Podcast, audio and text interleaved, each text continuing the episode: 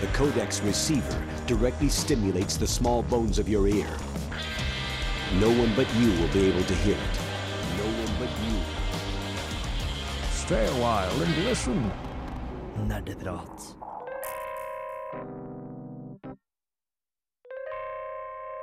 Hallo, hallo, og hjertelig velkommen til Nerdeprats første ordinære sending det første semesteret. Eh, hvis du hører på oss i reprise, velkommen tilbake! Ha! Det var en spøk. Det her er.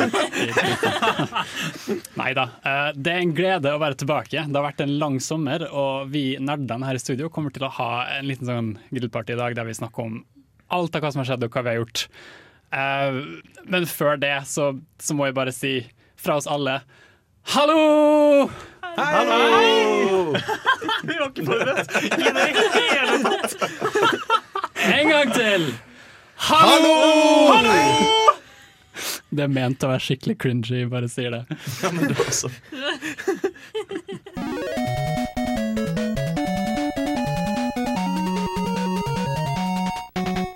Men det er jo når det er cringy at folk blir varme i trøya, og det er da ting begynner å skje.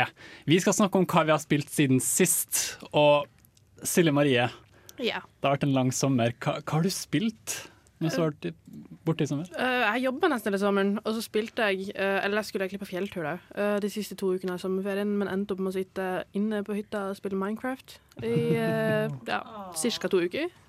I sånn, hvert fall sju timer dagen. En god arbeidsdag med Minecraft. Minecraft er jo skikkelig koselig. Ja, kjempekoselig. Bygde du en hytte i Minecraft som du da satt i i Minecraft mens du satt på hytten IRL? Nei, altså, jeg, jeg liker jo å leve litt sånn out of the ordinary når jeg ikke spiller Minecraft, så jeg bygde et stort tårn. Svært. Altså, Minecraft har jo rukka bort en skikkelig klassiker. Det er jo på en måte Altså, vi, det Til min store overraskelse så har vi ikke uttrykket Minecraft-like ennå. Det har liksom ikke blitt så etablert. Men det burde ha vært det, for de spåna jo så utrolig mye kult. Og skje- og det er kult å gå tilbake til det originale Minecraft nå og se hvor mye det har utvikla seg siden sist jeg spilte, i sånn 2014, tror jeg. Musikken der er jo så stemningsskapende. Eller stemningssettende. Åh, hvem er det som har laga den igjen? Jeg har ingen anelse. Åh, han er så Eh, kjent nå. Ah, hvorfor vet jeg ikke det? Men du, du, det blir liksom sånn at når du setter deg ned og skal spille, så begynner du å tenke på livet. Jeg tror vi spiller veldig forskjellig. Altså. Jeg, jeg bare samler masse skit, og så bygger jeg det jeg har lyst til å bygge. Jeg vet ikke helt hva du gjør. Ingenting mer du har spilt eh, utenom det, Silje Marie? Nei, jeg skulle begynne å spille Legion, for det har jeg ikke gjort ennå. Uh, World of. Warcraft. Uh, men jeg kom aldri så langt, og jeg har veldig lyst til å starte nå. Men nå har jo semesteret starta, og begynner å spille WoW. Mm. er ikke så veldig god kombinasjon med å starte semesteret. Jeg har hørt at det er en dårlig kombo å starte et MMO eh, samtidig som semesterstart. Eh, Steinar, hva er det du har spilt eh, siden sist? Å, gud bedre. Eh, det har vært en lang sommer, da. Eh, jeg har skaffa meg Switch. Så nå har jeg spilt eh, Splatoon. Har jeg nå begynt å spille akkurat nå. Eh, jeg har spilt Jeg blir tatt fra meg hendene mine, så jeg ikke kan telle. Det gjør det plutselig mye vanskelig å tenke. Um, så har jeg spilt Selda i massevis, så det er jo stas. På, på, eh, På Switchen, ja. Switchen? Ja, ja. Mm, jeg er blitt veldig forelska i det å kunne ta den med meg hvor som helst. ja, for det er greia med Switch at du kan ta den med. deg? Den er så behagelig og portable at det er ikke mulig. Uh, så jeg og Silje har spilt jeg og samboeren har spilt det i så å si hele sommer. Og det har vært kjempestas. Eh, og så har jeg spilt uh, Fortnite, men det skal jeg snakke mer om litt seinere i sendinga. Um, og så har jeg spilt Overwatch, og så har jeg jobba i sommer. På fabrikk og holdt på å dø. Veldig dramatisk. Av, av kjedsomhet eller faktisk holdt på å dø? Eh, bare kjedsomhet, heldigvis, men det har føltes ut som å dø innvendig og utvendig. Så det var min sommer. Det, Just du, skal få, away. du skal få lov å gå mer i dybden på det seinere, for det gleder jeg meg til å høre mer om. Ja, men da skal vi gjøre det. Og så Maren, hva er det du har spilt i den lange sommeren? Ah. Hva har jeg ikke spilt? Skal vi se. Jeg har gått Kanskje det er et bedre spørsmål. ja, det er kanskje et bedre spørsmål. Fordi jeg har et sånn sommerprosjekt på en måte med å gå gjennom de spillene som jeg ikke spiller så mye. Eller ikke har spilt siden sånn 2014-2013. Så jeg har spilt en del uh, Sims 3. Eh, det var veldig spesielt å gå tilbake på etter å ha hatt så mange timer i Sims 4. Så blir man på en måte vant til det nye grensesnittet og nye um, ja, uh, måten å gjøre ting på. da Men jeg jeg vet det er veldig artig med å eh, endelig kunne drepe Simma i, eh, i sånn, sånn eh, basseng igjen. For det kan man ikke i Sims 4 lenger, og det har jeg savna veldig mye. Nei, jeg har ikke det. Har ikke det, har ikke det. Jeg lover, jeg er ikke en psykopat. Jeg skulle til å spørre, har du eh, er, er, er Sims 4 bedre når du går tilbake? Eller eh, er det Sims 3 som er eh, Altså, Sims 4 er bedre vanilla enn Sims 3 var vanilla. Ikke minst fordi du har, mer, mer sånn, ja, du har en mer lettbeint måte å skape simmene på. Du kan bare klikke og dra på trynet, så endrer trynet seg. Mens, mens i Sims 3 så hadde du masse sånne sliders. Eh, og, du, og når jeg mener at du hadde masse sliders, så hadde du mange. Jeg mener å tro at det var sånn 70 sliders i Sims 3 eller noe sånt. Det var helt sinnssyke tall. Ja, jeg lurer litt på akkurat det der med å dra i ansiktet sånn. Er det litt sånn som Mario 64? At det er sånn at det blir gummi når du drar det utover? Eller er, er det Hvordan er det der? Nei, altså de har lagt inn veldig naturlige borders, da. Så det blir liksom ikke sånn, eh, sånn soppfjes. Så jeg kan ikke lage honningmelonansikt, liksom? Nei, du kan ikke det. Åh, OK. Dessverre. Men hvis du har sett Monster Factory-episoden med Sims 4, så, som en serie av McElroy-brødrene på Polygon eh, på YouTube Channel, så finner du ut liksom begrensningene Eller der har de lagt inn en mod, da, naturligvis. Men det finner du ut på en måte begrensningene i, i Sims 4-motoren. da Uh, vi skal høre mer om hva vi har spilt uh, siden sist. Det, det er en god del, så jeg håper dere, dere er klare. Men uh, før det så skal du få høre Pompoko med Jazz Baby. Du lytter til Nerdeprat fra Radio Revolt. You're listening to Nerd Talk from Radio Revolt. Ja, hei, hei. Uh, en ting som vi glemte å gjøre, var å introdusere oss. Til tross for en veldig awkward uh, hallo-sekvens, så har dere kanskje lyst til å vite hvem vi er. Eh, navnet mitt er Tor Magnus. Dere har hørt meg før. Eh, med meg i studio har jeg Silje Marie. og Steinar? Og Åsmæren. Og Hans. eh, Hans. Ja, dere, dere får vite mer om han etterpå. Han, han er ikke helt ukjent. Vi har han et par. Og så vår kjære tekniker, Torben? som vi er veldig glad i. Ja. Um, Å, kjærleik! um, ja, siden sist. eh, nå har vi vel kommet til eh, Hans. Ja, det blir jo fort, det. Ja, Eh, nå er det en stund siden jeg var med sist. Eh, så det blir jo fort jækla mye. Omtrent et halvt år. Eh, Omtrent et halvt år, ganske Du var var med oss på sci-fi-spesialen vår. Stemmer det. stemmer det Og hva- apropos sci-fi, så har jeg lyst til å trekke fram et spill som jeg har spilt i det siste. Eller nærmere sagt en mod til et spill som jeg har spilt i det siste. XCOM og XCOM 2 er jo et par av mine favorittspill. Eh, som er basically Altså det er turbasert strategi hvor du skal styre soldater om å tenke sånn strategisk og sette de i dekning og skyte og holde oversikt over hverandre eh, i strid mot eh, aliens. Og eh, Vanilla-spillet er knallspill, for all del. Men så er det et team som ikke husker hva heter, som lager en enorm fuckings mod til det spillet, som heter The Long War. Hvor eh, Altså, det, det, det blir et helt annet spill. De tar og reworker hele greien, hvor du går fra fire forskjellige typer soldater til eh, nærmere ti. Squad-sizen går fra seks til ti. Masse annerledes mekanikker. Det blir en enormt mye dypere opplevelse. Eh, jeg har sittet masse og lokt med det. Selvfølgelig eh, så er det jo permadeath i spillet. Og selvfølgelig har jeg spilt på Iron Man, og selvfølgelig har jeg angret på at jeg spilte på Iron Man når alle soldatene mine dør. Spesielt fordi at jeg kaller alle soldatene mine opp etter mine venner her i studentmediene. Og det føles litt ekstra personlig når jeg har sett eksempel Tor Magnus kjempe tappert i strid eh, mot eh, sectoids, og så få panikk, og så begynne å skyte på oss maren. Eh, og så bli bombet i hjel sjøl fordi at han ikke gikk i dekning etterpå. Ja, altså Jeg husker det som om det var i går. Det var helt traumatisk. Eh, Jeg husker det. Ja. Sorry. Nei, for- du kan jo lage egne figurer og sånt. Du kan customize ja. de, og det er ikke en veldig sofistikert customize-tool du har eh, til rådighet, men det er nok til at du kan få de til å bli akkurat like nok på avstand til at det er overbevisende. Og av og til lager jeg mine egne små headcanons da med at sånn jo, men dette er Tor Magnus sin nevø, så derfor ser han ikke helt lik ut. Men jeg hadde jo Tor Magnus som soldat i XCOM 1, så da kan dette være nevøen til han, og han har da tatt med seg mantelen videre fra sin onkel og lager lage sånne små storyer for meg sjøl. For storyen i spillet er dritt. så jeg må på en måte improvisere litt. Det, det er nesten som å lage en Nusslock i Pokémon. Ja, basically, basically. For da blir det straks mer personlig. Ja, ja, ja. Fantastisk. Torven, hva har du spilt eh, i sommer? Jeg har eh, spilt uh, Mario Kart 8 Deluxe, Mhm. som jeg kjøpte til uh, Switch, noe motvillig. Fordi at uh, jeg har allerede spilt det i hjel på VU. Det, Mario Kart 8 Deluxe er jo en gjenutgivelse til Nintendo Switch, til glede for de som ikke har skaffet seg VU, med andre ord de fleste. Og så har jeg videre spilt Arms, som kom ut i sommer. Det er et slags slåssespill der du slåss med armer som på at det launches eh, mot motstanderen, Mhm. og som kan styre og litt sånn. Det er eh, ganske strategisk, egentlig. Eller på at det, det er eh, Det er ikke sånn prøve å gjøre det så fort som mulig.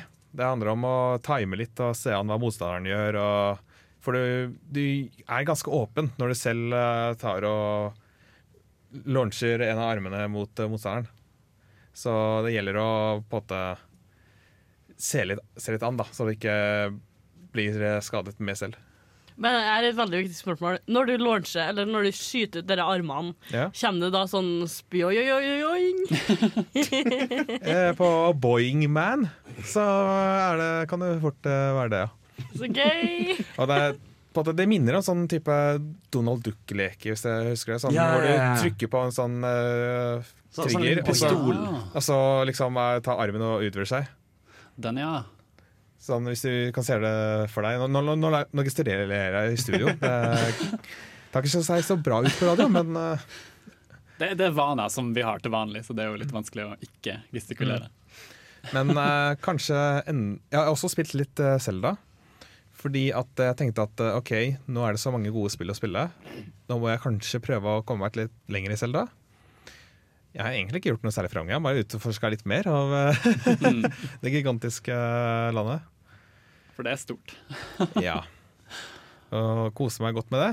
Aha. Men så kom uh, det jeg holdt på å si, det jeg fryktet, nemlig Splatoon 2. Og da var det flere dager hvor jeg uh, på at Jeg har lenge sett på disse T-skjortene som litt klisjeer. de Hvor det står sånn Eat, play games, sleep, eller noe sånt. Eat, sleep, play games. I et par dager så var livet mitt sånn. eat, play, eat, sleep, play Splatoon 2. Men digg, da. Det høres ut som et godt liv. Tenk å ha det sånn. Tenk hvor bortskjemt vi er med dette livene våre, der vi kan tilbruke sånn tre måneder i denne livsstilen her. Med mindre vi har en sommerjobb, da. Rip. Sjøl så har jeg fått spilt litt eh, Fire Emblem Echoes i sommer på 3DS. Eh, jeg er jo veldig glad i Fire Emblem-serien, eh, så jeg kommer til å lage en anmeldelse til Echoes neste uke. Eh, det blir kjempegøy. Eh, jeg har ikke fått spilt så mye mer enn det, fordi jeg har gjort litt mye matte i sommer. Um, men det er en historie som jeg ikke tenker å gå inn på akkurat nå. Nei, jeg vil ikke tenke på matte. Men uh, dere har jo fått høre uh, stemmene våre i studio, og Hans, som uh, var med på Filmofil før og brukte gjester litt hos oss, han, eh, han skal være her litt oftere. han. Stemmer det. Eh, så nå kommer vi til å gå videre til ei låt, eh, og så etter det så får du høre Hans sin introsak som et ordentlig medlem. Det som skal sies før den saken snurres, er at nå har ikke jeg hørt så veldig mange av de sakene Ah, før, så jeg fint. vet ikke helt hvordan de egentlig skal være, men jeg gjorde et ærlig forsøk. Det går helt fint. Du skal få høre Mats Wawa med 'Days Like This' her på Nerdeprat før vi går til Hans sin introsak.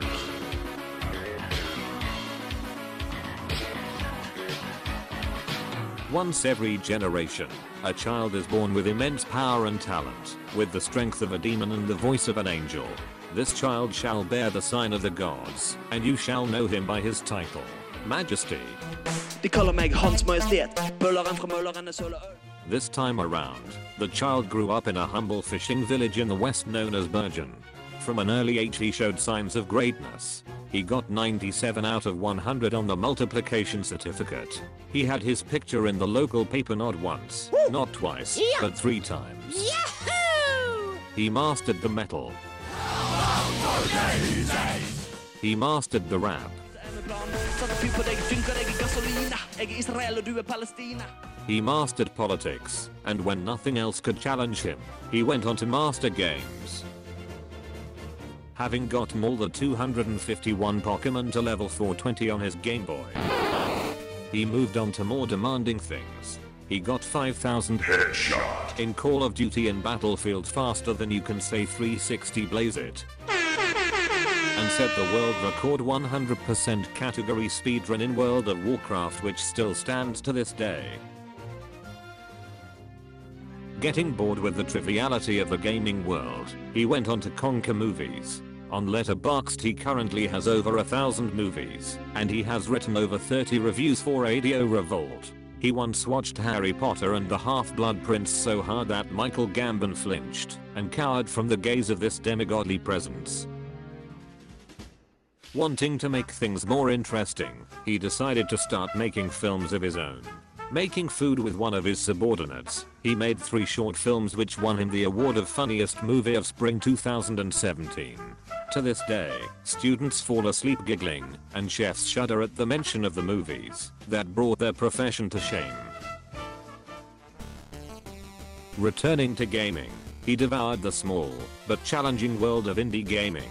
FTL, Crypt of the Necrodancer, Super Meat Boy, Don't Starve, Stardew Valley, Hotline Miami, Fury, Nuclear Throne, Spelunky and Braid all fell before him.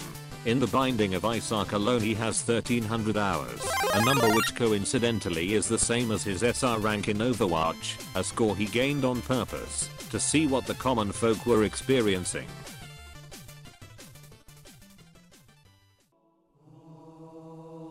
Once every generation, a great warrior poet is born, a being a pure light and darkness to whom no challenge is too great, and no task too immense. In previous incarnations he has gone by the name of Shakespeare, Einstein, Curie, Socrates, Zulu, Da Vinci, Sunti Zedu, Khan and many more. In our time, you shall know him by his title and his name. And his name is You shall know him by his title and his name, Hans Istains. Å, fy faen! Fancy stains. Å, fy faen! Altså, En av mine sterke sider er ikke ydmykhet. Hans, du er Altså, you are big, you're bad, you are Man! Det var en dritkul introsak. Ja, godt å høre. godt å høre Så hva kan man si til dette her? Wow! altså, det er en glede å ha det på nerdeprat. Det er en glede få her. En sann legende. Så du er jo Altså, du er jo the legend incarnate Det er meg. i det er meg. studio. Altså, Mye av det kommer av en sånn Mac- MacGyver-episode en gang, hvor det er en eller annen sånn her kinesisk wish child som har en sånn hvit stripe i håret, og jeg òg har en hvit stripe i håret. Så det må jo bety at et eller annet sted så finnes det en kult hvor jeg er den utvalgte. Eh, og i tilfelle den ikke fins, så må jeg bare anta at det er rom for å skape. Ja, men altså, du, du har ikke funnet dem for å liksom få dem til å lide oppmerksomhet eller noe sånt? Fordi, Jeg har vært på leiting. Uh, postet litt rundt omkring på internett, men de er, de er sl slu. De er vanskelig å få tak i. Men Hans, du har jo vært lenge med på, på Filmofil. Stemmer. Uh, men så gikk du vel ut til noe annet etter det, gjorde du ikke? Ja, altså jeg var med i Filmofil, uh, Radio Revolt sitt filmprogram, i to og et halvt år. Ble tatt opp der høsten 2014. Og så nå siste semester så har meg og min kompis Jan Markus lagd noen matvideoer på dusken.no, hvor vi lager veldig dårlig mat. Eh, vi lagde kaffetrakta-lasagne. Uh, kylling kokt i vannkoker. Og uh, Grandis sous-vide langtidskokt i kondom. Jeg anbefaler dere å se dem, for de er fantastiske. Jeg anbefaler ikke å prøve å replisere de oppskriftene vi kommer opp med. Jeg tror jeg aldri har vært så kvalm som da jeg så den Grandis-episoden pakka i kondom. Det var ille. Motbydelig ekkelt. Eh, som kanskje har til felles med Binding av Isaac, Mm. som også er noe Og motbydelig. et fryktelig ekkelt spill som jeg ærlig talt ikke skjønner hvordan jeg har endt opp med så mye tid i. Men det var ikke løgn det jeg sa i den videoen. Jeg har eh, 1300 timer i det spillet. Det er ingenting. Oi, oi, oi. oi. Gud bedre. Her får vi et lite rivalry uh, brewing. Altså, hvem, hva kan jeg si? Jeg er bare sånn knappe Nå børster jeg meg litt på skuldrene. 500 Oi, oi, timer mer i Sims 4. Ja, Men Sims er jo tullespill. Nei! Et legitimt spill altså, som man kan bruke tid på. det er jo knapt nok et spill. Det er sånn Å, la meg skape noen stygge folk, og så snakker de med hverandre. Det er ikke Jeg- jeg- Hva Nei. Skal du du er bare- ut. du, Du, bare, du er og se på er som Du er du lager, en, du lager en dyrehage med kunstige mennesker. Som du bare skal sitte og liksom Lol, dette kan jeg halvveis påvirke. Ja, og det er det som er poenget. Altså, jeg jeg ser, på, ser på folk spille spill på internett er det, og, og har ingen påvirkningskraft på det, så Det er for så vidt et poeng. Men du, du har for så vidt skjønt det, Hans. Kommer kjapt inn, assert dominance, Ja, ja, ja. get to the point. Det er klart det. Klart Du er ikke unfamiliar to the game. Nei, ass. Nei, ass. Har den eh, utfordret etablissementet, for å si det sånn? Du er, du er ute etter the iron throne. Eller? Rett og slett. Så ikke besøk noen kirker i Oi, spoilers. Nei, men vet du hva, Det er utrolig gøy å ha det her. Eh, Ja. Du ramsa jo opp et utrolig stort spillbibliotek, eh, deriblant FTL, som jeg faktisk spilte ganske nylig. Jeg har fått veldig sansen for indiespill. Mm. uh, særlig det siste. Særlig fordi jeg hadde Altså jeg har ikke noe skikkelig game-PC. Jeg har fått meg en ganske OK laptop nå som klarer å kjøre typ Overwatch med grei framerate og sånn. Mm -hmm. uh, men lenge hadde jeg en jævla crappy uh, laptop med integrert grafikkort og sånn tull, så da kunne jeg kun kjøre indiespill. Vet du hva? Vi skal høre mer av alle oss seinere. Vi skal nå gå videre til nyheter, men først får du høre Anna of the North med 'Money'. Nerd, nerd, nerder, nerdenytt. Ja, hallo, hallo. Vi skal ha nyheter her på Nerdeprat. Uh, Torben, yeah. i tillegg til denne kule nye jinglen som uh, vi har, what, what's up? Hva skjer? Vi har eh, nyheter om eh, nytt innhold i Conan Exiles. Vi har eh, at eh, noe annet fra Funcom blir uh, for en eh, adapt adaptasjon. Og vi har eh, eh, slutten på et eh, rom-epos og fortsettelsen på et annet. Eh, blant annet. All right. La oss bare holde ballen rullende. Kjør i gang. Conan Exiles jo, er jo fortsatt ute i Early Access. Og er eh, utviklet av Fentacom, der hvor uh, vår tidligere nerdeprater uh, Jens Erik Våler er uh, community manager, så vi har et bånd der. Mm. Bare så det er tydelig. Men eh, vi kan lese på Pressfire at uh, Conan Exiles utvides med kaldere strøk. Som de, nå leste jeg faktisk bare opp overskriften, det var litt uh, ikke kreativt av meg, men uh, The Frozen North er navnet på denne utgivelsen, og er uh, gratis. Mm. Og eh, da med dette så bringer det inn eh, temperaturer eller sånn. Sånn at uh, du er faktisk nødt til å kle på deg uh, litt klær. når du- Nei!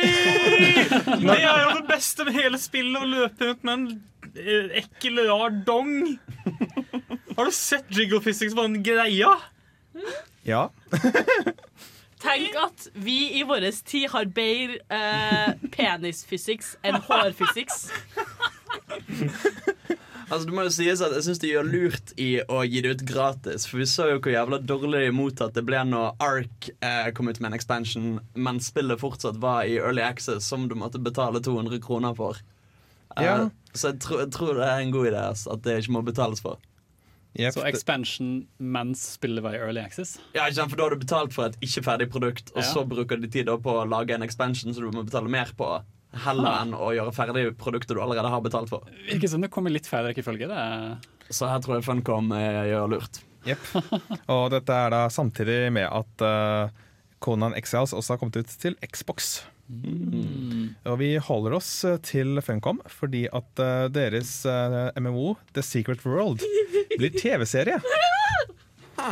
Og det er Johnny Depp sitt eh, selskap som eh, står bak produksjonen. Så han står som produsent. Kan jeg bare si at det er så utrolig kult, fordi The Secret World, hele premisset til det spillet, er at eh, alle konspirasjonsteoriene, sånn Illuminati og sånn, er liksom sant.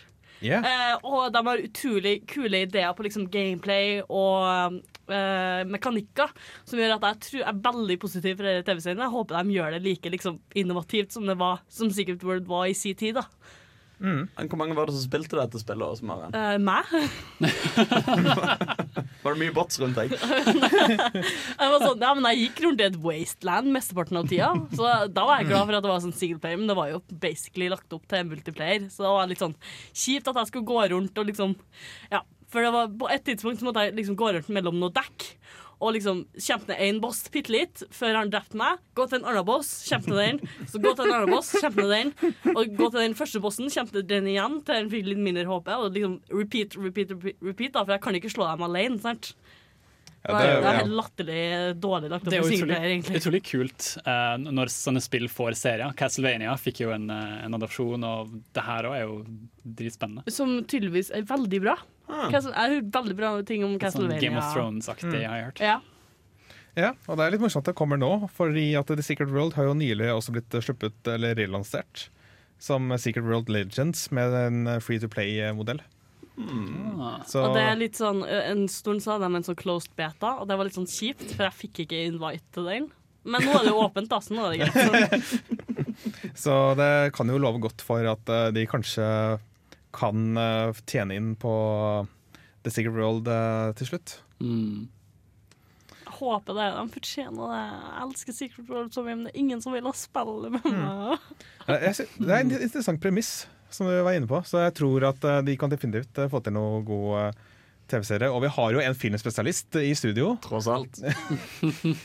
Dette kan bli bra, tenker du? Ja, Adopsjoner av dataspill har alltid gått smertefritt, så dette ser jeg ingen problemer med. Uh, det, det er en sånn, det er en sånn uh, nederlandsk regissør de kunne hørt med, som er litt sånn stjerneskudd der, som heter Uwe Boll. eh, som kunne reddet den franchisen. Eh, nå må du klare Erik sarkasme. Kjempesarkastisk! Altså, det er fyren som lagde, fyren som lagde Street Fighter-filmen, um, Alone in the Dark-filmen, alle de drittfilmene. nei. Men altså, selvfølgelig. Det kan jo bli bra. All Ja. right. Da har vi hans sin seal of approval. Jeg vil jeg ikke gå så langt som å si. Eh, Fra én ting som eh, vi håper ikke skuffer, til en ting som allerede har skuffet. Mass Effect Andromeda har ja. vært eh, gjennom hardt vær. Og nå har eh, det kommet ut eh, melding fra studioet om at eh, ja, vi har gitt ut den siste oppdateringa til Mass Effect Andromeda. Herre, det er faktisk fuckings kjipt. Så jævla feigt! Ja, altså vi har alltid hatt Altså Det som er bra med Mass Effect, er at de, de er eh, bra Altså De første tre spillene var bra spill, og så kom det DLC som var fuckings fantastisk. Du har Citadel, du har dere Kazumi-DLC-en til Mass Effect 2.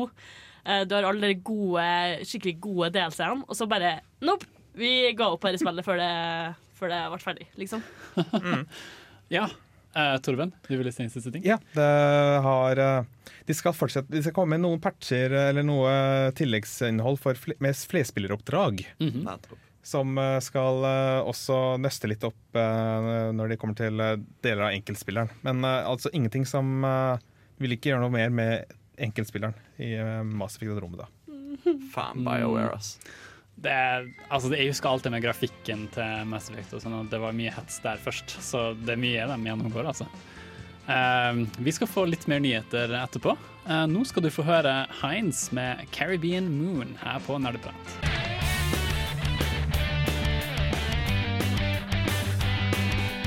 This is James Portnow, and you are listening to Nardaprat.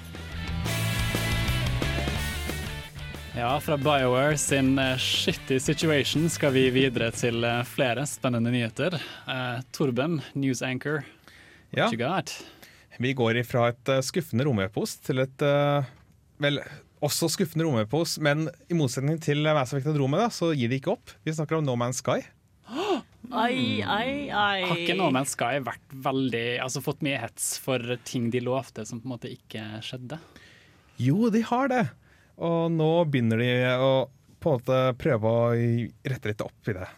Ah, De har uh, lenge nå Nå har de lansert en uh, oppdatering som eh, heter Atlas Rises. Og det inkluderer en del småting, og ting, som eksempel at du har portaler som, mellom planeter, og du har skal også ha muligheten til å fly nærme planeter. Litt diverse småting. Men eh, det inkluderer også en viss form for eh, eh, samarbeidsmodus. Eh, det vil si at eh, eh, andre spillere vil dukke opp som små lys rundt deg, og det er åpnet for kommunikasjon i omkretsen. Og det er opptil 16 personer som kan slå følge Uh. Hvorfor gjør de det ikke bare ordentlig? Når han først skal gjøre det. Små lys, OK, greit. Sjefen selv sier at det er et viktig første steg mot samarbeidsspilling. Ja, for det er jo ikke det vi har bedt om. Det er jo ikke det vi har bedt om. Vi har Altså, det er ikke bedt det om vi ble lovet. Nei, vi har, vi har blitt lovet, og vi har bedt om å kunne spille sammen om å nå planeter og bygge ting og gjøre ting. Altså- ikke se fuckings lys. Det var jo det som virket så forbanna spennende uh, for meg før uh, det ble launchet. At liksom du i utgangspunktet 99% av spillet var aleine. Enorm verden Og så og masse utforskning. Plutselig ser du en annen fyr. Og at det da skulle bli et sånn stort øyeblikk. Da at det skulle være holy fucking hell, det er andre folk her. Det blir jo det spenningsmomentet, ikke sant? Når Og, det og liksom så nå oh, holy f... Et lys. Ja, sant. Åh, det må være skuffende, da. Yes. Det hører med til historien at jeg også har forbedret historien. og dette er en grav... story. Ja. Hvilken story? Kanskje de har lagt til story, hva vet jeg. Og det har også gitt litt penere grafikk, og dette er ikke noe man betaler for, det er en gratis oppdatering. Mm. Men jeg syns det sier litt, da. At uh, det er knapt har gått et halvt år, og Mass Effect Romeda har lagt inn årene. No Man's Sky, som ble latterliggjort av omtrent samtlige, uh, holder på fortsatt. Snart, det er vel begynner å nærme seg ett år. Ja, noe sånt. Altså, men det som er greia med noen mennesker, er at de som elsker det, de elsker det. Mm. Mm. De har en veldig dedikert fanbase, og vi har sett det i all media. At det som har en dedikert fanbase, det overlever uanfuckings-sett. Altså, du har en til viss grad det med Andromeda òg, da. Uh, du har jo de som er veldig sånn apologetiske med det. Sånn, nei, nei, men Bare spill de første fem-ti timene, så blir det bra. Ja, men det, da er det mer sånn at i, i, med andre fans så er man litt sånn Ja, dere var litt dårlig, dere var litt dårlige. Overfor folk som hater det, så er det sånn Nei, nei, men det er sånn og sånn og sånn, og fordi sånn og sånn og sånn. Mm. Så du har en sånn apologisme, helt riktig, men du har liksom ikke den veldig dedikerte fanbasen. Det er mer Det er sånn semidedikert. Det var litt sant det med dedikert fanbase, at da er det spill som overlever. Altså Bare se på Zelda 2. Vet du hva? Jeg fikk det blikket fra Åse her nå. Ja, det er liksom, sånn Hæ? Men, eh, jeg skal break at jeg liksom ikke har spilt det. Nei, altså Greia med Cella 2 er at det var et spill som ble utgitt av en annen utgiver. Og jeg vet ikke om dere har sett det. Det, det er det som er sånn basically Castlevania. eh, ja, og det, det var, Var det en annen måte noen utenfor som, som lagde det. da Og det, det startet med disse paint-animasjonene. Uh, du det! Det var, var, var ikke det DOS-spill? jo, jeg tror det. Jeg tror det. Okay, så, ja, Har de jeg sagt feil, Torben? Eller, Eller var det Philips CDI-spillene, kanskje? Det var- jeg tror det var dem, ja. Ja. Excuse me, Ja, ja, det var- princess. Ja, det var ja, animen, da. Men eh, det var ikke meningen å bli til Altså, flow. Age of Empires 2, da, som har jo blitt spilt kontinuerlig siden release i 10 år. Aha. 15 år. Nei, Vi kan jo kanskje gå videre til, La eh, oss gå videre. til neste nyhet. Og da har jeg bladd litt i arkivet. Vi har jo ikke hatt noe sending siden eh, E3 Mm. i eh, sommer, tidlig i sommer. Så jeg har tatt med en eh, nyhet fra midt i sommer. Nemlig at Pokémon Go har fått legendariske Pokémon. Mm. Men eventen der dette ble, ble på en måte lansert, den var ikke like vellykket. At folk samla seg i et kjøpesenter eller, noe sånt, eller en park, og så bare var serverne ned. Eh, Det Det er helt krise. Det er- folk som har gått til, liksom, til retten Nei. mot Niantic for dette her. Oh, fordi det er i hele historien så er det slik at uh, de eh, inviterte til en special event i uh, Grant Park i Chicago. Det var da 20 000 mennesker som eh, skulle slåss mot den første legendariske Pokémon, som var Lugia. Mm. Og hvis de klarte å beseire denne og fange Lugia, så skulle Lugia begynne å dukke opp i resten av verden også. Og det skulle også være litt sånn at eh, avhengig av hvem som vant, eller noe sånt, så skulle de uh, lansere forskjellige Pokémon òg. Men eh, folk møtte opp, men og, og ting funka ikke helt. De fikk ikke logget på spillet. Det virka som serverne var overbelastet og sånt. Og du ser for deg at du har alle disse menneskene der, og Niantic eh, står på scenen og liksom skal holde show. Og, oh, folk, folkemengden roper eh, i takt, eh, liksom, eller i kor, at vi får ikke logget på spillet, vi får ikke logget på spillet. Ganske catchy. Ja. Å Så- nei. Det var Det ble ikke det, det, altså, det er ille nok, men Niantic greide ikke å håndtere situasjonen særlig godt. De, eh, det ble avslørt De ble fersket i å manipulere disse resultatene på live-tavla. For er en sånn tavle hvor de skulle vise liksom, disse lagene og hvem som vant. Og eh, siden ingen fikk til å logge på, så måtte de skrive inn eh, bare finne på noen resultater. Nei, de fake tallene! ja, de ble, de ble ferska i det. Å, flaut. Å, det er så flaut, det. Fordi det opp, den dialogboksen dukka opp på skjermen. Gud bedre. Og de ba folk om at ok, nå, nei, nå har vi gitt opp, nå får, vi får ikke dette til. Nå bare reis hjem, så tar vi og vi tar refunderer billetten deres. To timer senere så fikk de det til, og de som ikke hadde reist hjem, oppfordring, de fikk spille. Men de som hadde reist hjem, det var nei. Uff a meg. På den lyse siden, Nintendo. Switch har solgt fem millioner. FYI. Åh, det høres ut som Niantic har nok av ting å styre med. Um, det var nyhetene våre for i dag. Uh, vi skal nå snart få høre anmeldelsen til Steinar om Fortnite. Det blir dritkult. Jeg gleder meg. Uh, før det skal vi få høre ei låt av eh, Birthday med We Need To Talk. Du hører på Nerdprat her på Radio Revolt. Vi ses snart. Are you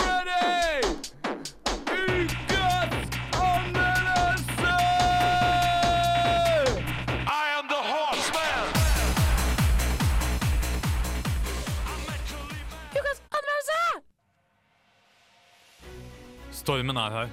Monstrene fulgte etter. De tok familiene våre, vennene våre og ødela hjemmene våre. Men tiden er inne for å kjempe tilbake. Vi vil ikke lenger flykte fra sted til sted. Tiden er inne for å bygge oss et hjem og forsvare hva som er vårt. Det vil ikke bli en enkel oppgave. I hvert fall ikke om folk ikke lærer seg at coop ikke betyr å slåss alene. Men at det er et lagspill der hver enkelt har et ansvar som hjelper alle på laget. Og ikke at den irriterende, utålmodige lemmen starter zombiebølgen før vi andre er klare! Fortnite er et coop sandkasse-overlevelsesspill utviklet av Epic Games People Can Fly. I spillet kan du spille som fire forskjellige klasser. Hver klasse har sine særpreg og fordeler i oppdragene, og man har muligheten til å tilpasse alle klassene og karakterene slik at det passer din spillestil eller lagets spillestil. Spillet har klart å balansere klassene godt, noe som gjør at alle oppgavene du har som spiller, føles like viktige ut. Hver klasse har mange karakterer du kan få ved å åpne lama-pinjater som inneholder samlekort.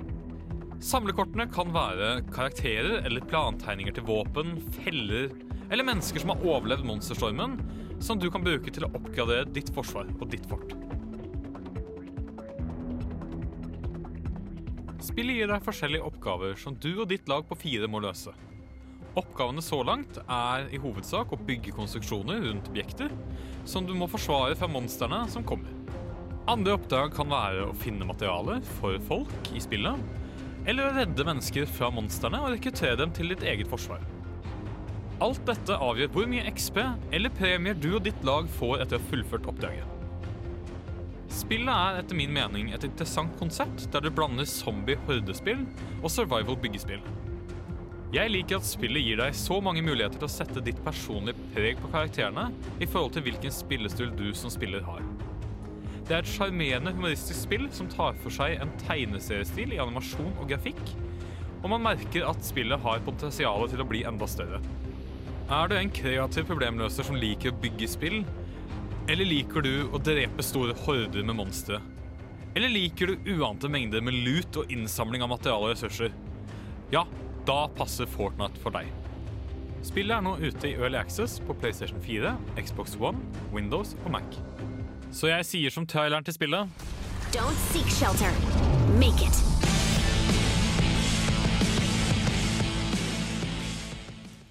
Wow.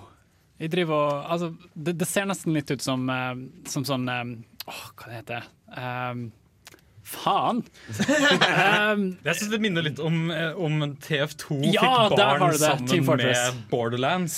Ja, altså Litt sånn Ja. Tower Defense inni bildet, virker det Det er jo sånn. veldig Tower Defense-basert, fordi du lager deg basically et tårn eh, med masse feller rundt, som zombiene da kan prøve å bryte ned og komme inn til the goodies. Ja, som er hva, tårnet. hva, du, hva du skal på en måte gjøre for å overleve hele denne zombie-apokalypsen her? Nei, greia at det er en gjeng mennesker som har overlevd overlevd Mhm. eh, zombieapokalypsen, og nå prøver å ta tilbake det som er dems. Eh, de kommer med en storm, så når det kommer lilla skyer og det begynner å tordne og lyne, da vet du at shit goes down. Uh, Så det du må gjøre er å samle mest mulig materiale som tre og metall og skruer og skit for å sette sammen et makeshift fort rundt en maskin som tar livet av alle zombiene i nærområdet. Så det er litt sånn, eh, hva skal jeg si, eh, et element av spenning, hvor du på dagtid må samle ting, og så må du på en måte forberede det til bølgen kommer, da, på en måte. Det hørtes veldig kjent ut. Minecraft. Ja. Ja, altså, du kan jo si det. Det, det, det føles ut som du må blande som jeg sier, jeg hater ordet, hordespill. Der det er masse masse fiender og monstre på en gang som bare kommer inn fra alle kanter og prøver å ta deg. Sånn type Dead Island. Ja, type Dead Island, type Ja, alle sånne typer spill. Diablo osv. Der det bare kommer masse monstre. Um, og samtidig så må du prøve å overleve og passe på hvor mye liv du har. Sørge for at du får tak i akkurat det materialet du trenger for å bygge deg og ditt fort sterkt nok mot fiendene. Det var en ting du eh, sa avlufta, Steinar, som jeg stusset litt på. Fordi det er sånn at du kan kjøpe spillet nå, Ja. men det skal bli free to play. Det er det som er målet. da Akkurat nå så er det early access. Og det er en litt hard sell, syns jeg, å si at man skal betale penger for noe som har blitt reklamert som skal bli gratis. da Ja, for nå ser jeg tilfeldigvis her at du kan kjøpe en eh, versjon av spillet som koster 150 euro. Ja, og akkurat nå så klager veldig mange spillere på at det føles veldig pay to win ut. Fordi Mm. du nettopp kan kjøpe forskjellige varianter av spillet som gir deg mer lootboxer med stuff til å begynne med. Så jeg har ganske mye startup-stuff, mens kompisen min har ingenting. Og dette er ikke som Overwatch, at det kun er kosmetiske ting du får. Det. Nei. Det er dessverre ikke det. Men du, du kjøper blueprints til å bygge ting selv. Så du må fortsatt finne materiale, men jeg vil fortsatt si at det er holdt på å si pay to win. Nettopp. Ja, for jeg har hørt um, en del som har klaga over at man må kjøpe sånn starterpack for å hele tatt komme i gang med spillet. Ja, der er jeg litt uenig. Jeg har en kompis som bare kjøpte grunnpakka. Altså ingenting starter stuff. Mm. Du hadde liksom absolutt for at det var det. Og han klarer seg helt fint, men det er mye mer jobb. Det er det. Det er der hele det pay to win-systemet kommer inn. At siden jeg betalte den eh, 89,99 euro-pakka, så kan jeg lettere komme meg gjennom spillet i starten. Helt til jeg møter den plutselige skill-veggen, da. Jeg kjenner jo at jeg har litt de samme problemene her som jeg hadde med Evolve i sin tid. Uh, med at det føles som i utgangspunktet at de kjører rett på med en jævla kjip businessmodell. Så selv om spillet i seg sjøl ser kult ut, så er det rett på fra første stund i early access, for faen. Eh, med microtransactions Ikke micro engang, ganske major uh, microtransactions. Makrotransactions. Makrotransactions for å få eh, framgang i spillet. Ja, og det er, det er sånn å betale for produksjonen av resten av spillet, sånn at det skal bli gratis Mm. senere, er det de sier. Eh, jeg syns det er kjipt med den startprisen når det allerede er eh, mikrotransaksjoner inne i spillet. Mm. Jeg syns det kanskje burde holdt med bare mikrotransaksjoner i spillet. Jeg var jo en sucker, men det er fordi jeg liker spillet òg. For jeg syns spillet er virkelig bra, og jeg syns det er verdt å prøve. Mm. Eh, jeg er bare litt usikker på om jeg vil si, si at det er verdt å betale en stor pakke for. Ja. Jeg ville vel kanskje ha sagt gå for den minste eller den nest minste billigste.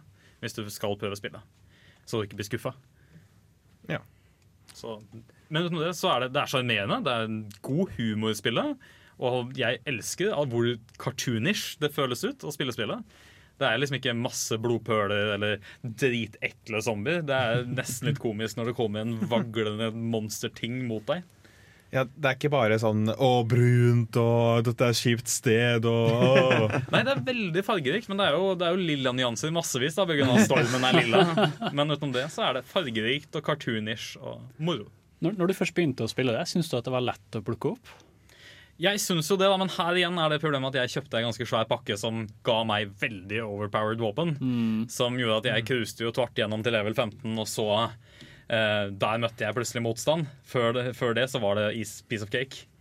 Eh, mens kompisen min derimot, som hadde startup-pakke, han syntes det var utfordrende fra første stund, og dermed kanskje litt morsommere enn det jeg syns òg. fra første stund. Mm. Men det er fortsatt et spill jeg kommer til å spille. Nå har jeg bare kommet til der det begynner å bli virkelig gøy, fordi det er en utfordring for meg. Right. Og hva vil du si er spillets mest måte, charming kvalitet? Det mest sjarmerende med spillet må være humoren. Uh, og det er mye voice acting av sin feil, men også bare at det er, jo, det er et sært wonky spill. Du slår lama pinjataer som holdt på å si prater tilbake til deg. Som sier 'do you hit your mama with that?' og sånne type kommentarer til meg. Uh, så sassy spill og morsomt spill. Wow. Eh, det høres ut som noe jeg kunne plukka opp sjøl, faktisk. Ja, Det er- burde du teste det. Vi kan spille sammen. Yeah, men. Det er jo fire player, holdt på å si. Uh, vi skal gå inn mot temadelen nå straks. Uh, først skal du få høre Mø med 'Nights With You'. Forskning påviser at ti av ti italienske rørleggere blir tilfredsstilt av nerdeprat på Radio Revolt.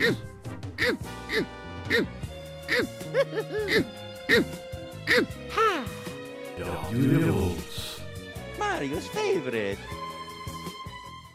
Ja, eh, vi har nå kommet til eh, temadelen av eh, semesterets første ordinære sending. Og temaet i dag det er et veldig unikt tema. Vi, vi skal ha grillparty. Vi har, vi har tatt med grill inn i studio og hele pakka. Nei da, vi har ikke tatt med grill inn i studio. Eh, ild og lydanlegg og teknisk greier går kanskje ikke så godt overens. Vet vi ikke før vi har prøvd. Men du skal få høre hva vi har gjort i sommer, du skal få bli litt gjenkjent med oss, og hva du kan forvente av oss utover semesteret. Det, det er så mye vi can't wait to, to liksom get to the core of. Eh, men før det så skal du få høre litt uh, Splatoon-goodness. Vi Yeah. uh, kicker off med, med en dobbellåt. Uh, Torben, noe du vil tilføye før vi kjører på? Eh, ja, jeg elsker musikken i Splatoon. Både Splatoon 1 og Splatoon 2.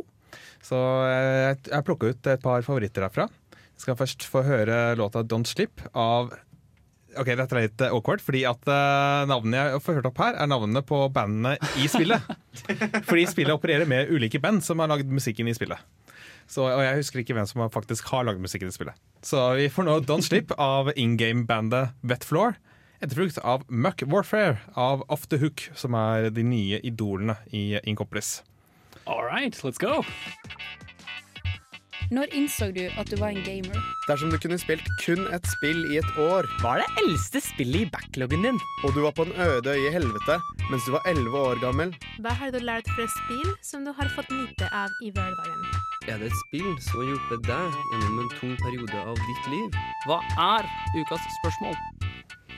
Ja, og nå som vi sitter her med beina på bordet og sitter oss foran grillen her eh, på Nerdeprat, og sola skinner, så skal vi ha ukas spørsmål. Vi har det kjempekoselig nå. Du hører bølgene komme opp fra stranden. Og Åh, jeg har glemt å ta med solkrem. Hans, kan du gi meg solkrem, eller? Ja, klart det. Ta imot. Åh, tusen takk. Bra tatt imot. Bra kasteteknikk. Å, tusen takk. Um, folkens, her på Ukas spørsmål så, så har jeg tenkt skikkelig lenge, og jeg tror dere må nesten hjelpe meg. Hvis du skulle ha tatt med en spillkarakter til en barbecuefest, hvem ville du tatt med, og, og hvorfor? Har du tenkt noe på det, Silje Marie? Ja, så vidt. Eh, Jeg liker ikke grillmat overhodet, så barbecue-mat er skikkelig ekkelt. Og så har jeg ikke spilt det, men cooking-mamma Hun kan sikkert lage mat som jeg òg har lyst til å spise. Uh, altså, jeg regner med at spill går ut på å lage mat, og jeg regner med at du lager masse forskjellig mat. Uh, og jeg vil bare ha noe som ikke er grillmat. Du får jo kanskje også med en baby der, da. Er ikke det litt av greia? ja, da var det litt problematisk. Du kan grille babyen. Hva var det du sa om at du ikke var syk? holdt jeg på å si? Som vi har bevist igjen og igjen på Nerdeprat, så liker vi ikke barn. Eh, for de som har vært med oss over lengre tid, så er det Eh, en Maren liker ikke recurring- Ja, en recurring joke. Altså, Jeg bare sprenger dem i Minecraft. Jeg skjønner ikke hva du snakker med. Steinar. Ja, jeg hadde tatt med meg Pyro fra TF2. Rett og slett, for Han er like glad i flammer som meg, og jeg tror jeg, jeg og han hadde kost oss ganske kraftig med tennveska. For han har jo en sånn introvideo der han er nesten er på LSD. Ja, ja, ja, ja. Ser regnbuer og alt mulig rart. Mm, jeg kjenner meg igjen i den uh, sinnstilstemningen, ja. Gjør det. Nei, så Han tror jeg hadde vært fet. Jeg tror Han og, han og flammekasteren og jeg kunne kommet godt overens. Blitt god grillmat eh, ut av det. Jeg Ja, kanskje litt svidd, men det får bare være. Det blir bra show, læll. Jeg tenker litt grann i samme baner. Det hadde vært uh, sykt kult å ha hatt uh, Showershard. Ja! Fordi at eh, Hvis dette hadde vært en i Trondheim, at vi skulle vært og grilt, så hadde det sannsynligvis vært ganske kjølig og litt sånn eh, dumt. Men med med Showershard så kan det bare blåse flammer og Jeg ser for meg at han er ganske varm generelt. òg, Så kunne liksom varma meg og slippe å fryse i. Og kunne kanskje også fått flambert litt mat. Ja, det er alltid godt med en litt sånn Charizard steak eh, her. Å ja, nei, unnskyld, du mente ikke å spise den. Beklager. Um, det var awkward. Um, Uff da. Ja, skikkelig awkward. Hei, Hans. Hei, Tor Magnus. Eh, jeg har en litt omvendt innfallsvinkel enn eh, disse to andre her. For jeg tenker jo som så at det jeg forbinder med grillparty, er varme. Og jeg tåler ikke varme så veldig godt. Jeg blir veldig sur og gretten og døsig av det. Så jeg tenker jeg vil ha med meg Det er to jeg står og bikker mellom. Enten Propeller Night fra Shovel Night. Som har basically en svær helikopterpropell festet til hodet, og som kan blåse vind utover oss og kjøle oss deilig og fint ned. Eller May fra Overwatch, som har en sånn Hun basically isvarianten av Pyro. eh, som kan skyte is ut av en pistol og sørge for at det er kjølig og fint på denne flotte sommerkvelden hvor vi sitter og griller. Og hvis, Vi trenger ikke kjølebag heller, sant? for hun kan bare sånn spyle litt på eh, pilsen vår, og så blir han kald og fin. Og så er hun sånn 400 år gammel. Det var gøy. Ja, det, det visste jeg ikke. Hun, er, eh, hun lå i sånn 300 år i is eller noe sånt for å liksom yeah. bevare ungdommen. Jeg husker ikke det nøyaktige tallet, men det var mange år. Jeg ville faktisk Altså, mitt uoffisielle svar er Alt dere studio. Eh, ja, men jeg hiver meg litt på Charizard-bølgen. Jeg hadde ikke Mm. gidda å lage eh, flamme sjøl. jeg kan ikke håndtere en grill. Så jeg trenger liksom bare noen der jeg kan hive ned litt kull, eh, ta på litt tennvæske, eh, og så kan bare folk liksom fikse det og holde det ved like for meg. Så jeg tenker, jeg tenker også Charizard. Det har vært jævlig chill, egentlig. Jeg må bare beklage alle Charizard-elskere der ute. Jeg, jeg ville ikke spist en Charizard. Uh, jeg, jeg, jeg, vi fikk mange stygge blikk fra alle Pokémon-fans der ute. Don't worry, the Charizard is safe. Men du, TM, Ja. hvem er det du hadde tatt med deg på grillfesten? da? Oh, Jesus. Du må Um, ha med deg noen du har, så blir det litt kleint. Vi er liksom pluss én folk her. Shit. Mhm. Jeg må. Selvfølgelig må du. Hvis Ja, andre må, da. så må du òg. Vet du Jeg har brukt så mye effort på å tenke på dette spørsmålet. Jeg har faktisk ikke tenkt sjøl hvem jeg ville tatt med. Klassisk. Uh, difficulties, eller hva jeg skal si, first world problems til en programleder. Um, vet du hva? Hvem jeg ville tatt med meg? Jeg har lyst til å si MacGyver, men han er ikke en spillkarakter. Um, Han si- er det i Broforce. Jeg skal ikke si det. det. Det finnes vel et eller annet sted han er en spillkarakter, men uh, Wow. Det er en uoffisiell MacGyver, vil jeg tippe. da MacBrover eller et eller annet. Wow. Uh, you know what? Sure, why not? Fordi altså, en type MacGyver-karakter kan gjøre alt for meg. Ikke sant? Uh, men igjen Du, du, uh, du, du tar med deg en binder, Stian, og så har han et, uh, en grill til deg. på- Ikke sant? Men, men igjen, beklager, jeg fikk ikke faktisk tenkt ut hva jeg ville egentlig gjort. Uh, så det skal jeg huske på til neste gang. Får du? Oh, I'm so sorry. Um, vi skal gå videre til uh, å snakke mer om oss og grillpartiet vårt. Her vi koser oss under sola og solkrem, og, og vi skal sende solkremen rundt, slik at alle får brukt litt av solkremen. Alle skal få hver sin lille sprut. Eh, Kjør i gang låt, du. Så vi kjører videre med låt. Her får du Est Beast med Choose Your Character. Ja, hjertelig velkommen eh, tilbake. Nå er det jeg som holder eh, solkremen, men jeg kommer til å kaste den du til å over til Steinar. Steinar, ta imot! jeg, jeg, jeg bomma. Men jeg, jeg plukker den opp, og så da har vi det en gang til. Sånn. Ja, ja der har du den. Fordi, Steinar, nå, nå er vi liksom i begynnelsen av grillpartyet vårt. Og vi skal snakke om masse av hva vi har gjort i sommer, og, og mer om, liksom, slik at folk blir kjent med oss. Ja. Og du nevnte jo i begynnelsen en eller annen fantastisk historie der du hadde jobba på en eh, fabrikk. Kan vi, kan vi Ja. få the full details? Nei, jeg har jobba der før, da, men det er en fabrikk i Kongsvinger som lager plastikkdunker. Så spennende det kan bli. Disse kan brukes til å putte mat i, de kan eksploderes for veiarbeidere. Og alt mulig rart. Altså, I bunn og grunn så er det ei oljetromme på 1000 liter på laga plastikk. Hvis vi skal være veldig ærlige. Uh, Så det er det jeg har gjort i to måneder i strekk. Hva er, hva er din jobb oppi dette? Du, Det er et samlebåndsfabrikk-type stil, så jeg gjør masse forskjellig. Jeg, jeg sveiser paller, og jeg skrur bur og drit. Det er mye sånn, mye sånn manuelt arbeid. da Vi har et par Gøy. roboter som gjør noe, men det meste er manuelt. Men Steinar, du døde jo nesten. Det er av kjedsomhet. Utenom da jeg plutselig fant ut at det var en greie å høre på lydbøker. Så jeg har hørt masse på lydbøker mens jeg jobba på fabrikken. Eh, Så jeg har hørt på Ready Player One, som per Right. nå er en av mine favorittbøker. jeg er veldig glad i den. Jeg syns den er bra. La meg ha den okay. gleden. Jeg skal ikke, jeg skal ikke ta en Jeg glede fra står for den sjøl, altså. Det er Ja. veldig glad i den. Host den. Drittbok. Jeg skal få en film òg. Du, eh, da spør jeg Hans, er du en Star Wars-fan eller er du en Star Trek-fan? Star Wars-fan. Takk Gud, da har jeg ikke like mye problemer med deg likevel. Du skjønner, Det er en greie i nerdeprat at jeg diskuterer Star Wars med Åse Maren. Um, ja, nei, så jeg har hørt på det. Og så har jeg hørt på Night Circus, uh, som også er en god bok. Litt flat historie, mener jeg, men fortsatt underholdende å lese. Høre. Um, ville du si noe, Åse? Du pressa Jeg, deg. jeg skal bare sette deg litt til side, sånn, sånn på, som for å illustrere at jeg er over deg. Deg. Jeg sier bare at jeg er en mann på 1,90, og også når meg til brystet. Eh, når du nevnte disse lydbøkene, så kom jeg til å tenke på noe som jeg har gått rundt og tenkt Faen, dette må jeg nevne når jeg skal være med på Nerdeprat. Ja, fyr løs. En av, om ikke den podkasten jeg liker best i hele forbanna verden, har hatt sesongavslutning. Ja. Eh, for en liten uke siden. Den heter The Adventure Zone. Ja, det Og hørt om. det er uh, McRoy-brødrene ble nevnt tidligere. De er et, uh, en brødretrio som har, uh, kom med podkasten sin My Brother, My Brother and Me, hvor de preker skit sammen. Og så er det to av de som jobber i spillmagasinet Polygon. Og de har en del sånn nerdeklaut, da, rett og slett. De tok og laget en Dungeons and Dragons-podkast med faren sin. Hvor okay. de spiller et Fifth Edition-campaign som har gått i tre år nå. Og det begynte som bare tull, hvor de sitter og fjaser og bare sånn «Lol, lol, lol, lol, Magic Missile her og der.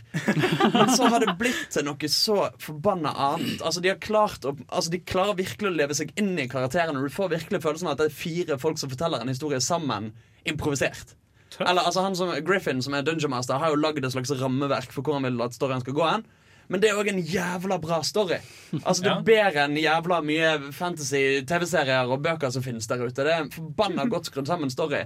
Og i det at det eksisterer i et sånn komisk univers, så er det en reveal sånn ca. to tredjedeler ute som fungerer på så jævla mange plan. Hvor det er både en vits, men òg en jævla emosjonell, tung greie.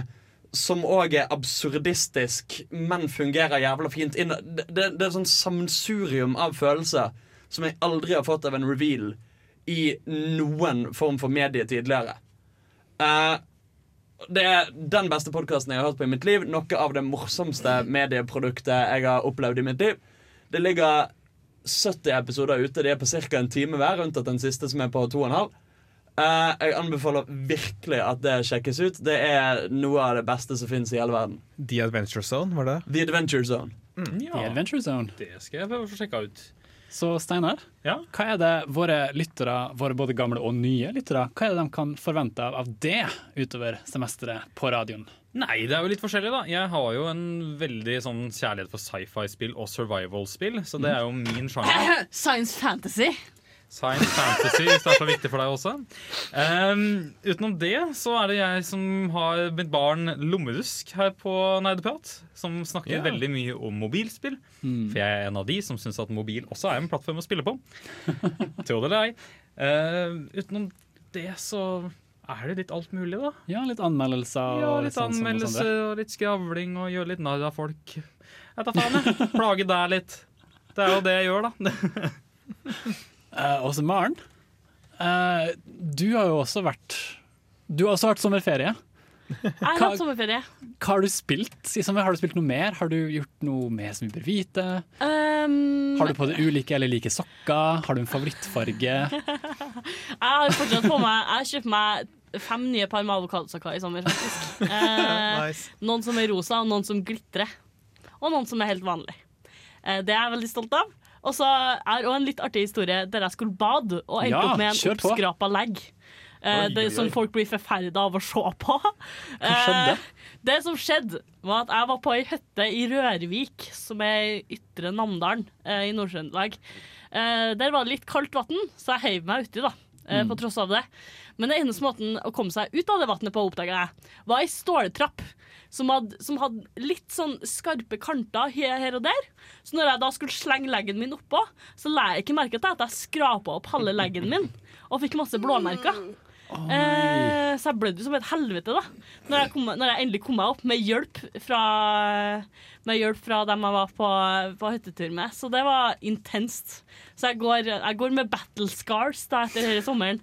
Eh, men jeg var også på Kypros og fant en sånn jævla sær sånn spillsjappe, sånn nerdesjappe, der de hadde sånn eh, plast Laura Croft og Hitman utenfor. Mm. Eh, og det var jævlig gøy. Jeg tok selfies med dem og sendte nerdechatten vår og sånn. Eh, Uh, hva har jeg gjort, da? Jeg har, uh, jeg har faktisk spilt Jeg har begynt å spille uh, New Leaf.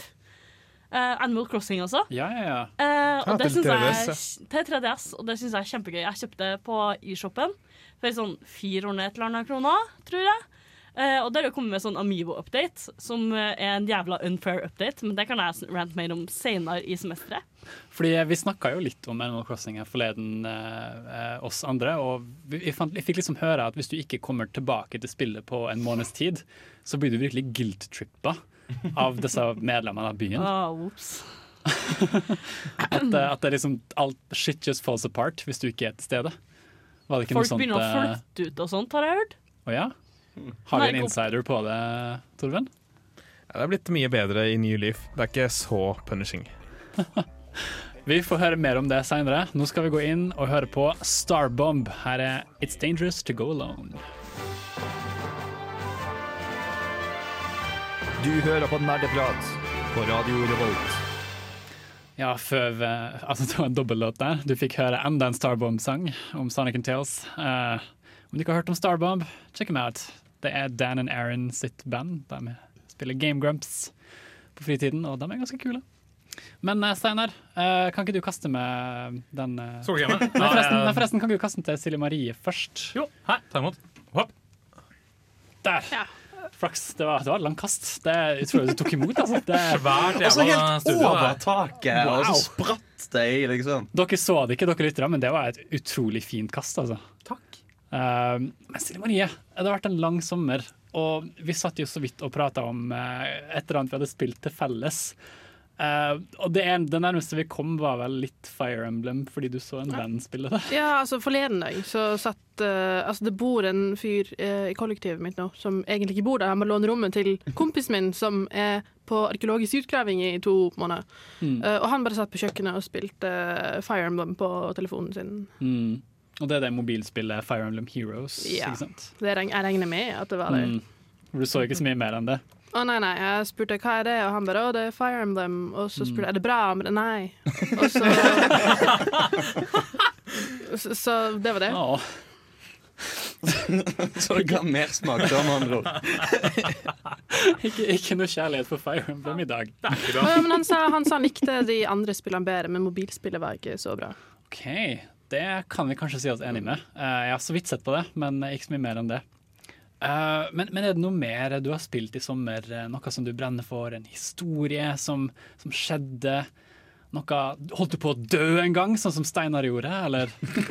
Ja, jo, ja, altså uh, jeg, var, jeg har vært sånn uh, jobba som juletrebonde i bibelbeltet uh, i tre uker. I sommer? I sommer, ja.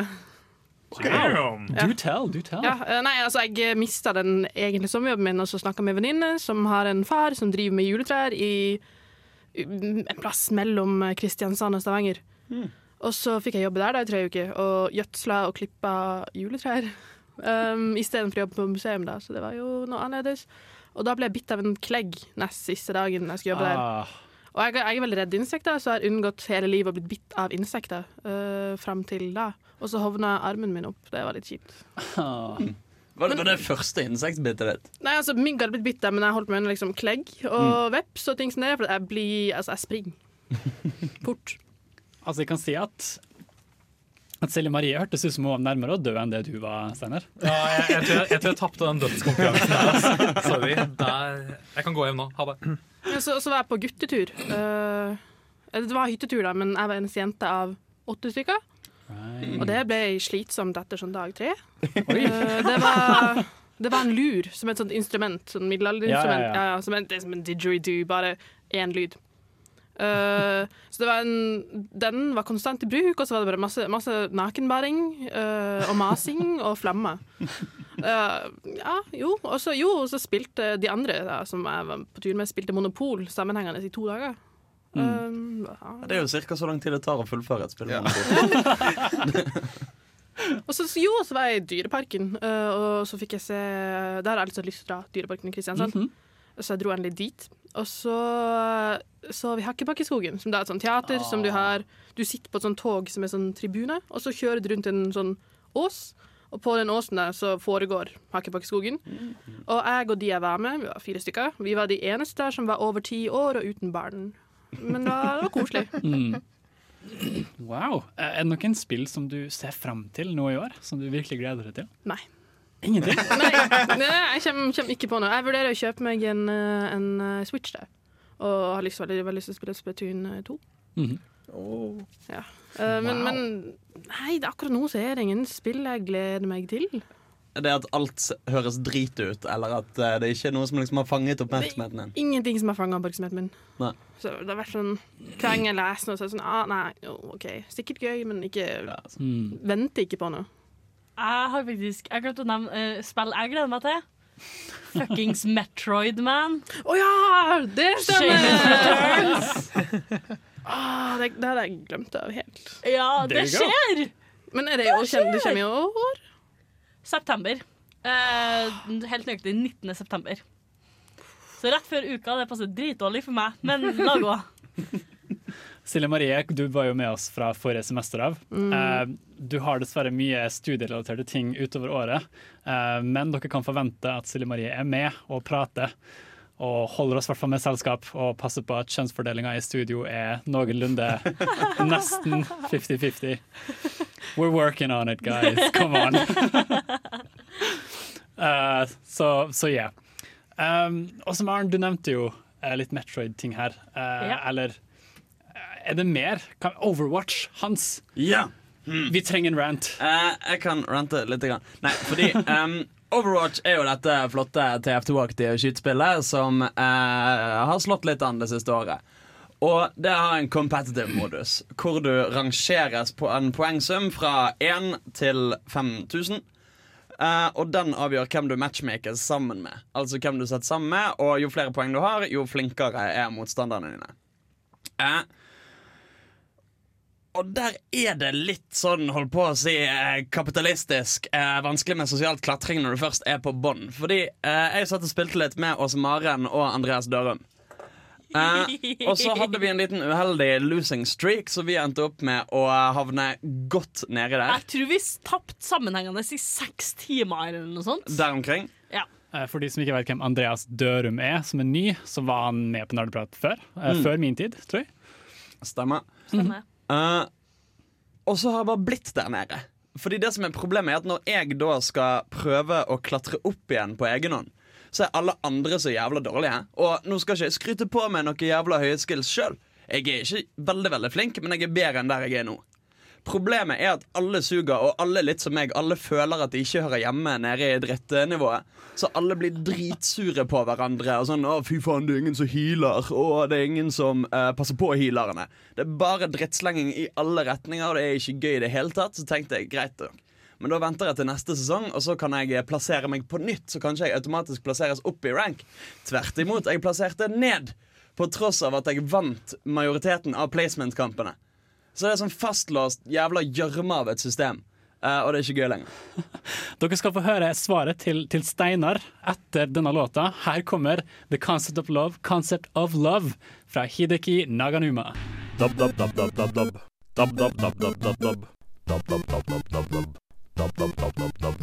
Når dab, prater på DAB-radio.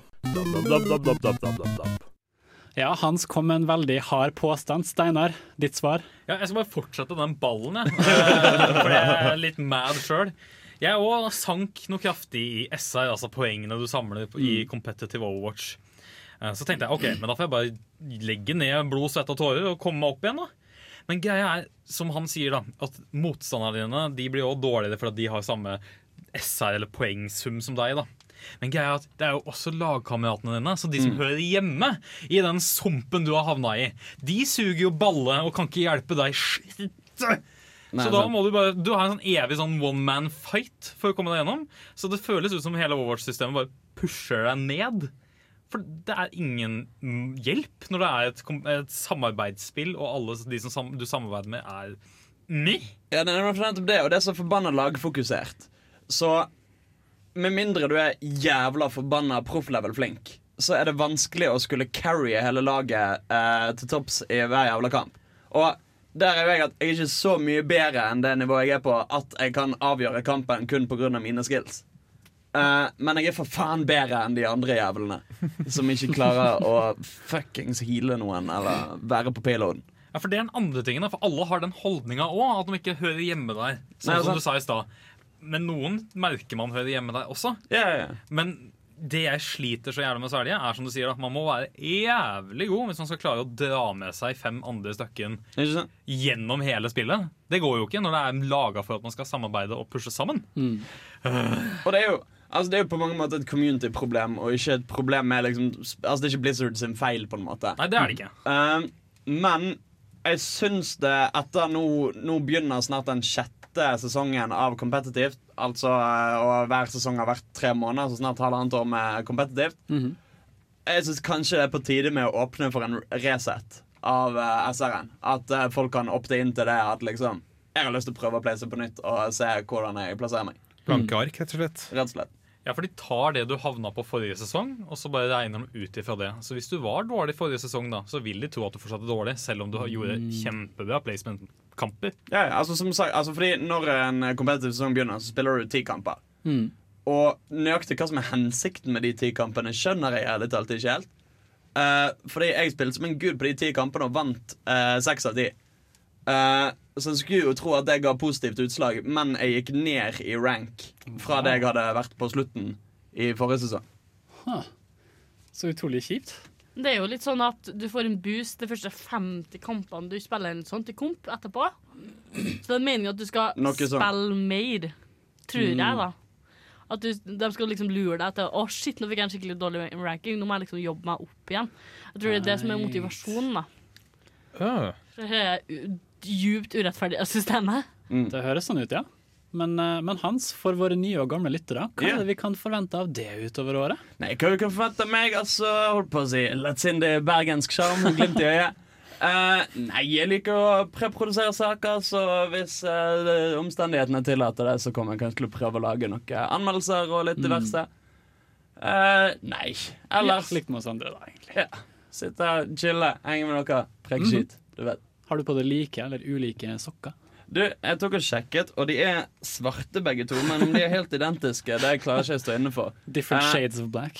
Jeg er av den oppfatning at livet er for kort til å skulle pare sokker. Eh, så jeg tar de sokkene som ligger øverst i bunken. Uh, og så Maren, jeg fikk så vidt spurt om Metroid. Uh, er det noe mer utover fra sommeren som du har spilt? Noe mer du ser fram til? Noe du gleder deg til? Sjef, jeg gleder meg til om Cuphead er bra eller ikke. Ja visst, faen! Fortell, fortell. Eh, Cuphead er et, en platt eller uh, Sidescroller. som er inspirert av sånn 30-20-talls uh, cartoons. Mm. Eller tegneserier. Tenk på den Eh, Disney-tegnefilmen hvor uh, Steamboat Willie. Ja, Ja, hvor eh, den type. Mickey Mouse, gamle type Mickey Mouse sitt- eh, er på en eh, Hva heter det? Dampbåten. Og hele spillet er gjennomført sånn. Yeah. Og det er, jeg er jævlig spent på om vi faktisk kunne grafikken så bra, eller hele spillet kommer til å være et mesterverk. Det er jeg kjempespent på. Jeg, spe, jeg spilte òg så vidt, så vidt, så vidt, så vidt i går eh, på PS4 det nye Uncharted-spillet.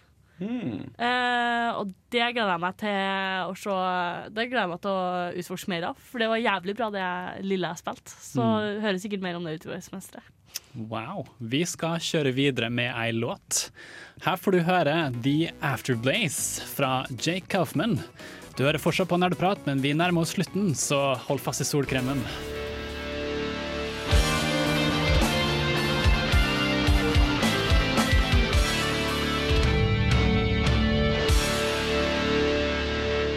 Jeg husker ikke hvem som hadde solkremen, men kan ikke de som har den, kaste den til Torben?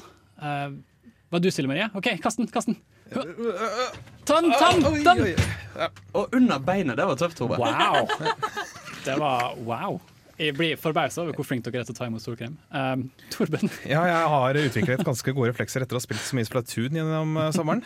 Nice. Uh, jeg har allerede fortalt litt om det, men uh, jeg anmeldte første spillet for eh, Under Dusken, eller for dusken.no, Mm. i eh, sommeren for et par år siden. Men, og nå har det kommet et nytt, Splatoon 2.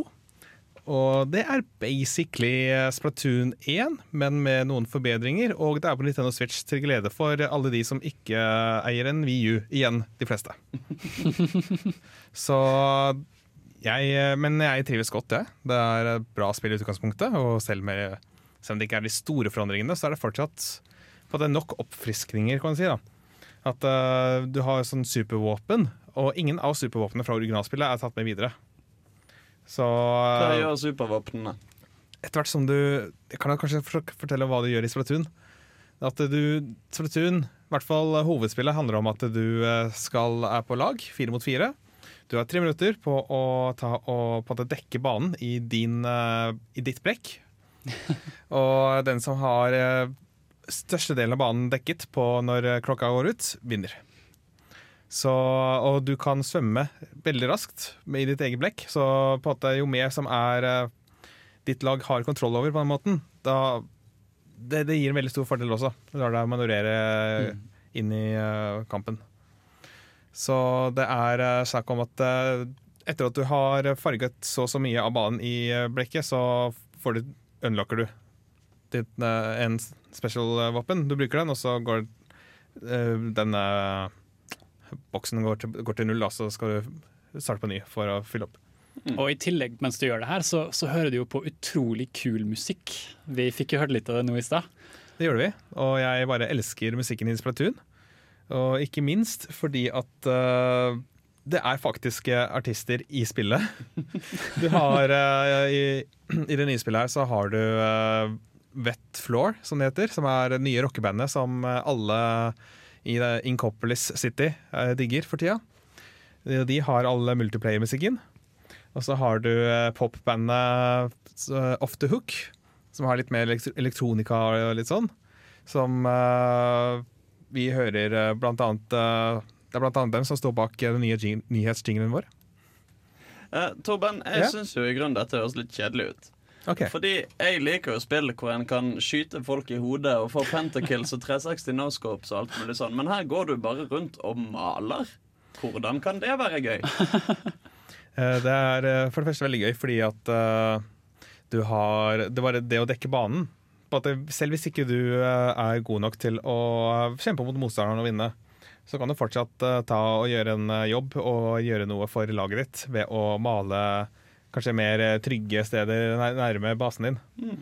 For du kan fortsatt kjempe mot motspillere. Det var ikke målet. Nettopp. Men uh, ved å bekjempe dem, så vil jo de være ute av kampen i noen sekunder. Så da vil det hjelpe med å nå målet om å dekke mest mulig av banen. Ja, nei, jeg har jo spilt Splatoon litt nå som det har kommet ut. Mm. Og det er mer enn å bare male banen hans. Du kan skyte folk i huet fortsatt og få det til å eksplodere i din fargeblekk. Og dermed dekke litt ekstra av banen òg, så det er mye explosives også her.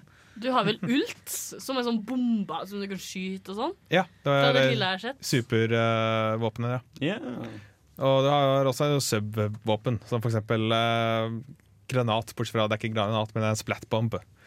Og en robotstøvsuger som jeg liker veldig godt, som bare kjører rundt og spyr blekk. Ja, det er også en singleplayer. Jeg har ikke spilt gjennom ennå, så, men uh, det er en liten singleplayer-campaign som på en måte er mer sånn plattforming. Altså. Hva er, kan, hva er det våre gamle og nye lyttere kan forvente av det utover året, Torben? Jeg kommer nok ikke til å være det mest aktive her. Jeg, har, jeg er jo også en tekniker, Mm. og jeg har jo nok å gjøre, for å si det sånn. da. Mm. Så, men jeg syns det fortsatt er trivelig å være her, så Det syns vi òg. Ja. blir nok til at jeg står bak eh, teknikerspakene en gang iblant. Mm. Hver gang du hører veldig smoothe overganger til noe, så er det pga. Torbens magiske wizard skills. Men uh, Tor Magnus, du får ta imot. Ah, shit, ah, shit, ah, shit. Ah. Hard! Yes. Åh, OK. Uh, nei, hva har jeg gjort i sommer? Alltid dette her med å være programleder. vet du, at Når det først er din tur, så veit du faen ikke hva vi skal gjøre. Eh, for du er så opptatt med å planlegge alt det andre. Eh, men jo, eh, jeg fikk jo spilt litt Fire Emblem Echoes, og jeg vil jo snakke mer om det her neste uke, når jeg lager anmeldelse. Oh. Men jeg har også brukt mye tid på et mobilspill, faktisk. Det er veldig sært når jeg sier det, men du skal spille som katter som skal ta over verden i en sånn type tower defense. eh, som heter Battle Cats, hvor du skal samle opp en armé av katter. Og det er jo et mobilspill, så du kan jo bare spille så og så mye før du må på en måte bruke penger for å få mer ressurser osv. Men, men du kan i hvert fall samle opp en armé av unike katter som kan bli veldig personlige etter hvert som du spiller lenger og lenger. Eh, og det er det som gjør det så spennende. Eh, vi kan kanskje lage en uh, det seinere. Ja, Vi kan kanskje samarbeide om det. til Magnus Det tror jeg hadde blitt kjempeartig. En coop lommerusk. Ah, vet du hva? Tida holder på å gå fra oss, folkens. Eh, denne grillpartyet har gått utrolig fort. Jeg ser at flammene på eh, grillen begynner å ebbe ut. Eh, dette var ment som en sending der dere kunne bli litt bedre kjent med oss. Eh, dere som er nye, og dere som kanskje ikke har hørt fra oss på en stund. Det har vært en utrolig glede å snakke, og vi kommer tilbake neste uke med et tema der vi skal snakke om spill er mer sosialt enn usosialt, eller vice versa. Eh, Det tror jeg kan bli et veldig spennende tema, så vær forberedt på mer seriøs nerdeprat neste uke. Så ha det bra fra alle oss i studio. Ha det Bye, bra! bye!